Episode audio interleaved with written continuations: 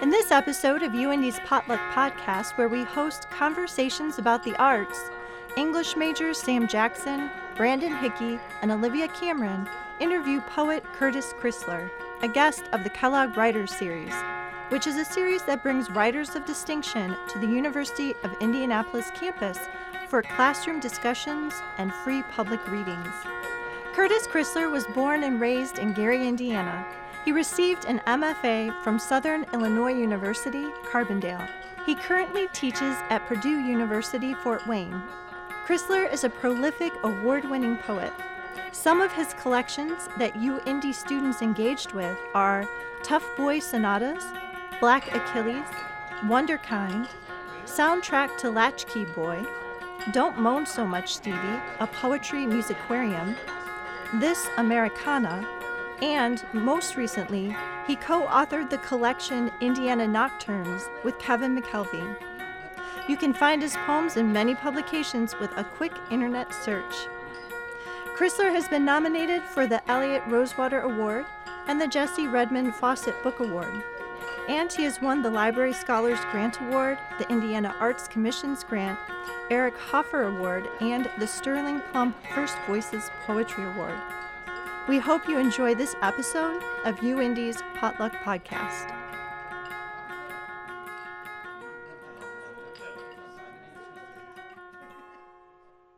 Hello, literature lovers, and welcome to the UIndy Potluck Podcast. Today we are joined by poet Curtis Crisler. Curtis Crisler is a poet from Gary, Indiana, and a professor at Purdue University, Fort Wayne. He is the author of multiple poetry collections, most notably Tough Boy Sonatas, This Americana, don't Moan So Much Stevie, a poetry musicarium, as well as his most recent collection, Indiana Nocturnes. The University of Indianapolis Kellogg Writers Series would like to welcome you to sit down with us and chat about literature, life, and passions. I'm Brandon Hickey. I'm Olivia Cameron. And I'm Sam Jackson. Thanks for joining us, Professor Crisler. Thank you all for having me. I'm so glad to be here.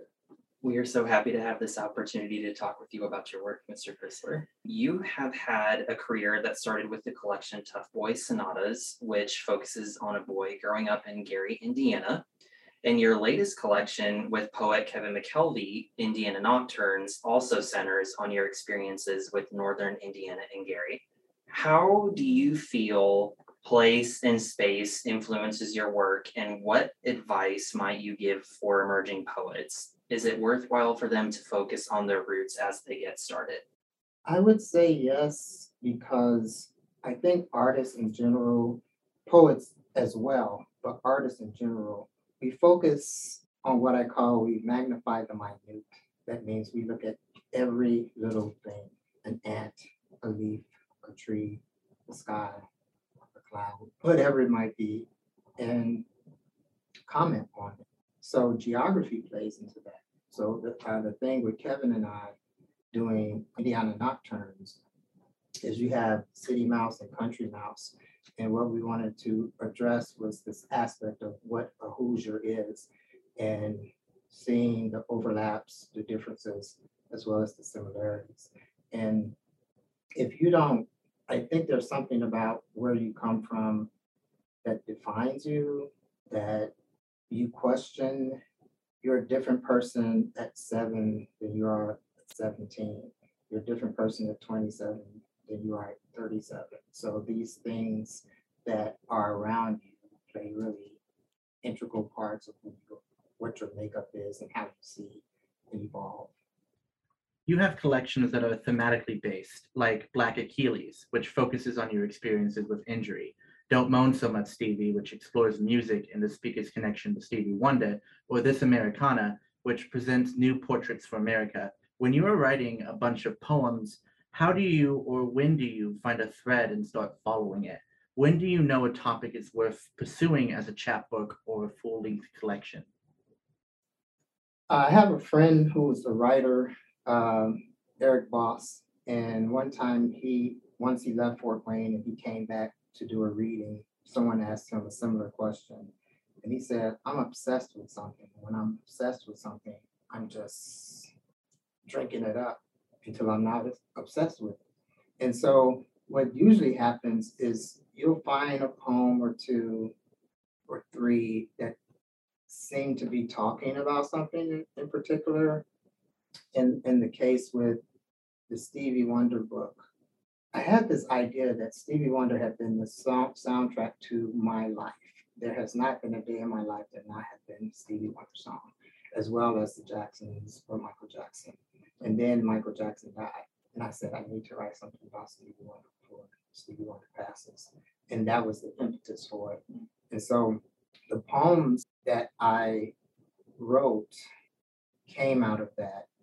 And what else came out of that was me coming up with this new form called synastics, which are persona and ekphrastic meeting each other. And the thing that happens when that happens is you are personifying the person that you're talking about. But just like with a ekphrastic poem looks at doing the visual, usually the art that we're looking at, like Ode to, was it Keats or Yeats, oh, Ode to a Grecian urn. Ekphrastics, well, synop, synastics can look at everything. So I can look at a song, I can look at a bust, I can look at artwork. And the more you know about the person, the more you connect with. So that persona comes out. But it's kind of like with the Stevie book, it's almost like trying to be his thoughts before he creates whatever song he's creating. So there's one in there, uh, Aisha, about his daughter, and uh, that's and isn't she lovely?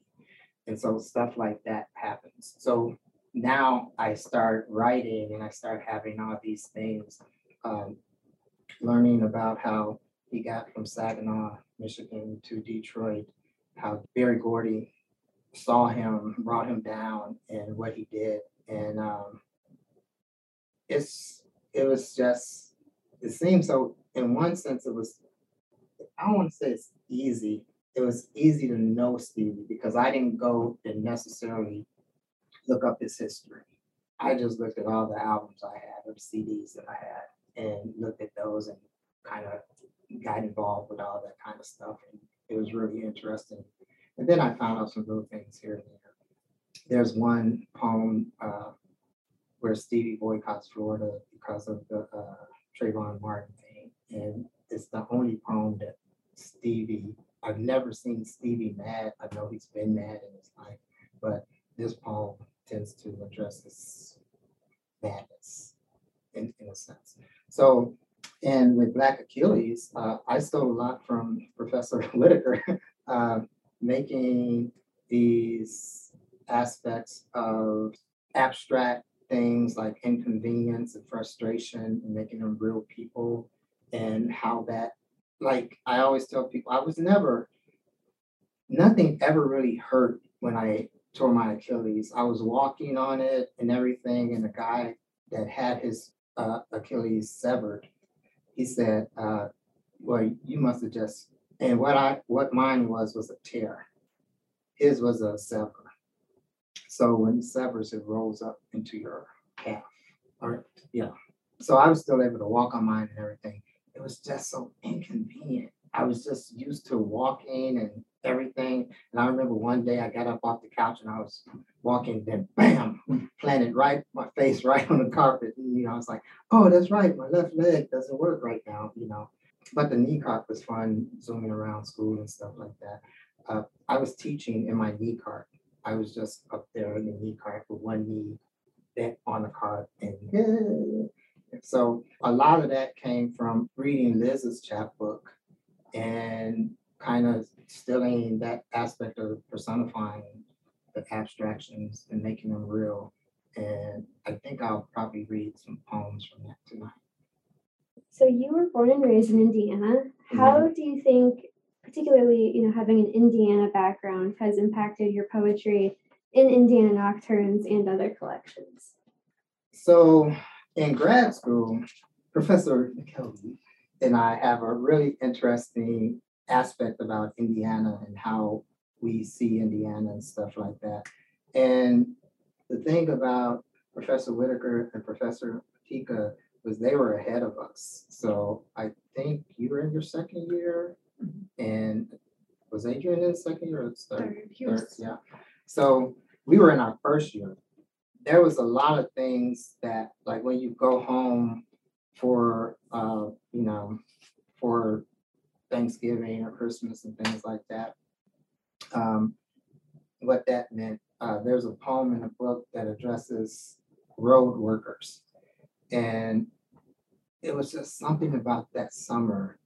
They always had, like I have, they have one obligatory blonde woman with a smudge on her face directing traffic or something like that. Like that was the thing that they had to do. And he was like, I know. And we were just having these conversations about these crazy things about Indiana. And uh, the first poem, I, I realized the first poem that's in our book too, uh, Shane's, is probably the first poem that addresses us being together in Baltimore at AWP and going out at night because we were hungry and we wanted to get something to eat. And we go into this dive joint place. And I was so scared that something was going to pop off. And it didn't. We took our food and we walked back and it started snowing. So that's what you see, the imagery you see in the poem. So Kevin and I have, in, in the aspect of being in so many workshops as well, you just kind of get to know people and know their work. And we're always talking about the differences about that and this and that in Indiana. And then probably a year or two after we graduated, we were in Michigan and we were uh, on a panel together. And he read a poem. And I was like, wait a minute. So I read a poem. Then he read a poem. Then I read a poem. And after that, I think we had our first workable section of part of the book because the poems followed each other really well. And those are the duets. Uh, so we had a duets and a solo parts, what we call the slide outs. And the slide outs are like the Temptations used to do. So the the soloist would slide out and get the mic. When I got the chance to look at your book, Tough Boy Sonatas, I was amazed at how you wrote about the ever changing, intricate, and personal subject of developing masculinity. And I thought it was really commendable that you made it a point to say that a young man's relationship with such a subject kind of changes throughout life and as they grow older. And having said that, I was really curious to know what are some things you've learned or discovered about your relationship with masculinity since the book has been published? What was really interesting is how I saw other people looking at the book through me and addressing that. So then we would have these conversations. But for me, I think it was just, I was just in a place that I remember my childhood as just being just running. I was always running and doing stuff, jumping fences, doing all kinds of things of that nature. So I was a boy. I was a bouncing baby boy that turned into a bouncing young person. And uh, I just love sports. And back then, I was into comic books and drawing with my aunt and running. I just remember I felt safe in the sense that I had a place to come home to at the end of the day. And I got to run all day if I could get out of the house, my mother not hear me because the thing was to sneak out of the house. You had to, you know, you had to go down the stairs like you had your shoes next to you, and you went down the stairs one by one by one because the stairs were creaky. And so if you got out of the door, she couldn't have told you you need to do stuff today. And then when she saw you at five o'clock, where have you been, Baba?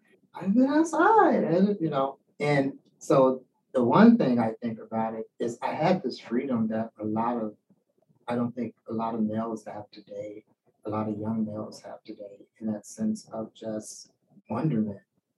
I was really, not that everything was great, because it wasn't. And I had my uncles who stepped in for uh, the father that wasn't there, things of that nature.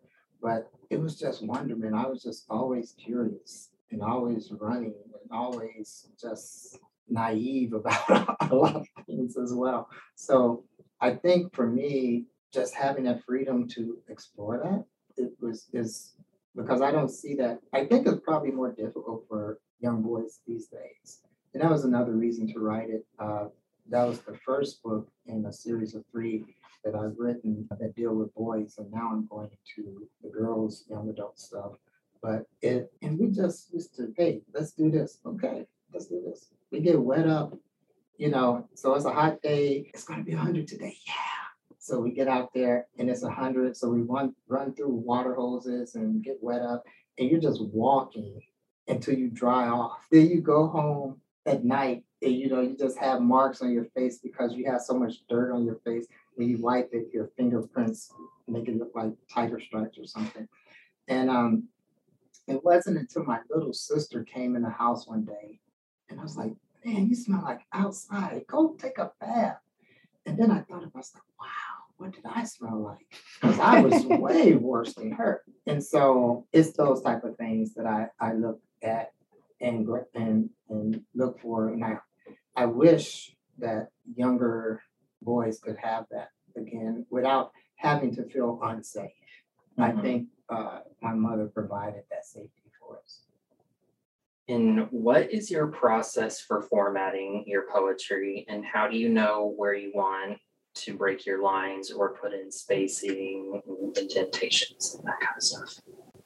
For me, I feel the poem asks for that. Poem suggests this is what we should do. I'll play. Sometimes I play around with it. Sometimes I may may just do margin to margin, and I'm just writing, and then it's like, okay, this poem doesn't feel right. It's going too fast because it's you know you're doing margin to margin. Now you're getting into prosy aspects of prose writing, and so to break it up, you need some staccato.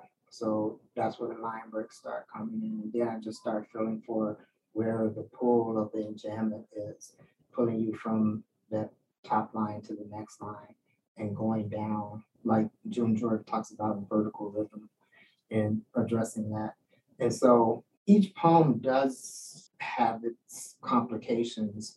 And then I think too, because I, I teach technical writing sometimes, that I'm also looking at white space and why have white space and why use white space or where white space should show up in that aspect of a break between. Um, so I was interested in knowing what inspired the poem "You Bring Out the Woman in Me" on page twenty in Indiana Nocturnes. So uh, there's a poet in Minnesota named Bao Phi, and he has a poem called "You Bring Out the Vietnamese." in Me." If you're on YouTube, you'll see it. He's on with Def Poetry Jam, and um, you'll hear him doing it in a lot of different places. But he got that from Sandra Cisneros, who did "You Bring Out the Mexican." So what I had, our, my one of my classes do is I said, let's do this. Let's play with gender and we're gonna switch genders and you, and, you know, uh, just to see what happens. And I did the poem with them, and that was how the poem came about. I plays a lot off of the Bao Phi one more than uh, Sandra's piece. But yeah, it's amazing. I have another friend who teaches it in her class as well, like that. And she said, think about that, think about that. So that's how it came about. I've only had one student, and once she understood what I was getting at, she was like, okay. But yeah, how dare you think we have to do gender roles and all this stuff? And I I was like, it's not, I, did I say anything about gender roles? It's like, whatever you feel, that is. And she's oh, okay, I thought you were coming. I was like, and, and so a lot of times I try to tell students, the more open a prompt is, writers tend to love that. And I'm finding students want more, like when you're in a sonnet and you have to be strict to the patterns of a sonnet, you know, 14 lines and things of that nature, iambic pentameter, that kind of thing. So when you leave it too general for some students, they're like, ah, they want constraints. Some of them want more constraints than they think they do. And I'm like, all the workshops I've been in, they just give you a taste of something in a writer's room. And the more you get to do workshops, the more you see that. And I'm talking about workshops with, you know, Toi Derricotte, Kwame Dawes, Cornelius Eady, all these different, you know, crazy, fabulous poets. Okay, the hard part is over. Now for the fun questions, what we like to call the lightning round. Are you hmm. ready? I guess So first of all, what is your favorite book? To Kill a Mockingbird. Who is your favorite author? Right now, I would say Roxane Gay, since we're studying her. We're doing her creative nonfiction. And then we had her one of her stories in uh, my fiction class. What poets do you take inspiration from the most? All of them, all the good ones. What are some underrated aspects about Gary, Indiana? when I was growing up, Gary had everything like they had a Broadway, so everything was off the curb. And so Sears, Montgomery Wards, all that stuff was downtown. And everyone, people came to Gary to shop until they moved downtown Broadway to, now I think it's extended, I think it's Griffith. But when they moved it out, it became a ghost town like a lot of Broadways and downtowns. Um, what activities aside from reading and writing do you like to do in your free time? Uh, what I've been doing lately is cooking. I noticed over the COVID mess that we've been through, I've been doing some crazy cooking and making up these new recipes. So I've been thinking about a recipe poetry book. What's your top recipe right now? Can we get a spoiler? The one I like the most, it's, I don't even know what I call it, but after you bake the salmon, jasmine rice, and you can use any type of green. So you can use spinach. I use all kind of different types of greens. And then what happens is you mix it all together, then you put it in a bowl, you pack it down, you turn it over, and it's this round thing. And then you put like scallions on it, and you put uh, sea salt around it. So you can take when you break into it, it just kind of falls down. And then you can take the sea salt when you slide it around. And then I have salmon fries too, where you have uh, salmon over fries and greens again, but then you put cheese on it. And you have to have everything in one bite. So are there any foods you can only get in Gary? It used to be Salerno cookies and crisp cereal. But one thing that seems to be is not from Gary, I think it's from the South, but we did it in Gary. We always when we had fish, we always had fish and spaghetti together. So fish and spaghetti were like, well, if my mother didn't make meatballs or meat sauce or meat with the spaghetti, you had like spaghetti and fish. But if she made like a meat sauce or meatballs, it would just be spaghetti. But that's probably, but it's not a Gary thing. I think it's a Southern thing, but everybody doesn't do it. Like Ohio does the, what I used to call spaghetti, where they had a chili in the, in the spaghetti uh, stuff together. And now it's skyline chili. So, Cincinnati yeah, chili. Cincinnati skyline chili.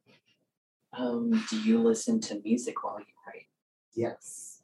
The writing can be, for me, I like the white noise because what happens when I'm writing is when I get to a certain point, the white noise falls aside and then I'm, it's almost like a Zen moment where people are looking to clear out a mess out of their head for meditation and then they could be one with whatever it is they're trying to do. And when I realize there's there's no white noise and I'm so focused on the poem and doing what I'm doing, that becomes really powerful. And so sometimes I use music in class to accentuate a prompt, have them think about stuff. So the aspect of like punk versus R&B versus rap versus jazz gives them different thoughts. So I love What are three songs we should listen to this week? I would say the whole album of Alice Coltrane's Recreation and Creation of Space. Sometimes it snows in April by Prince and Olivia Rodriguez or something. Thank you so much, Professor Chr- Crisler, for joining us for this discussion. And thank you to our listeners support, for supporting our Kellogg Writers Series student run potluck podcast.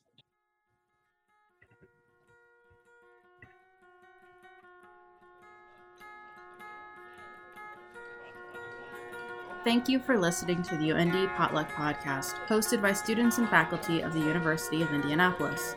We would like to thank our guests in the Shaheen College of Arts and Sciences.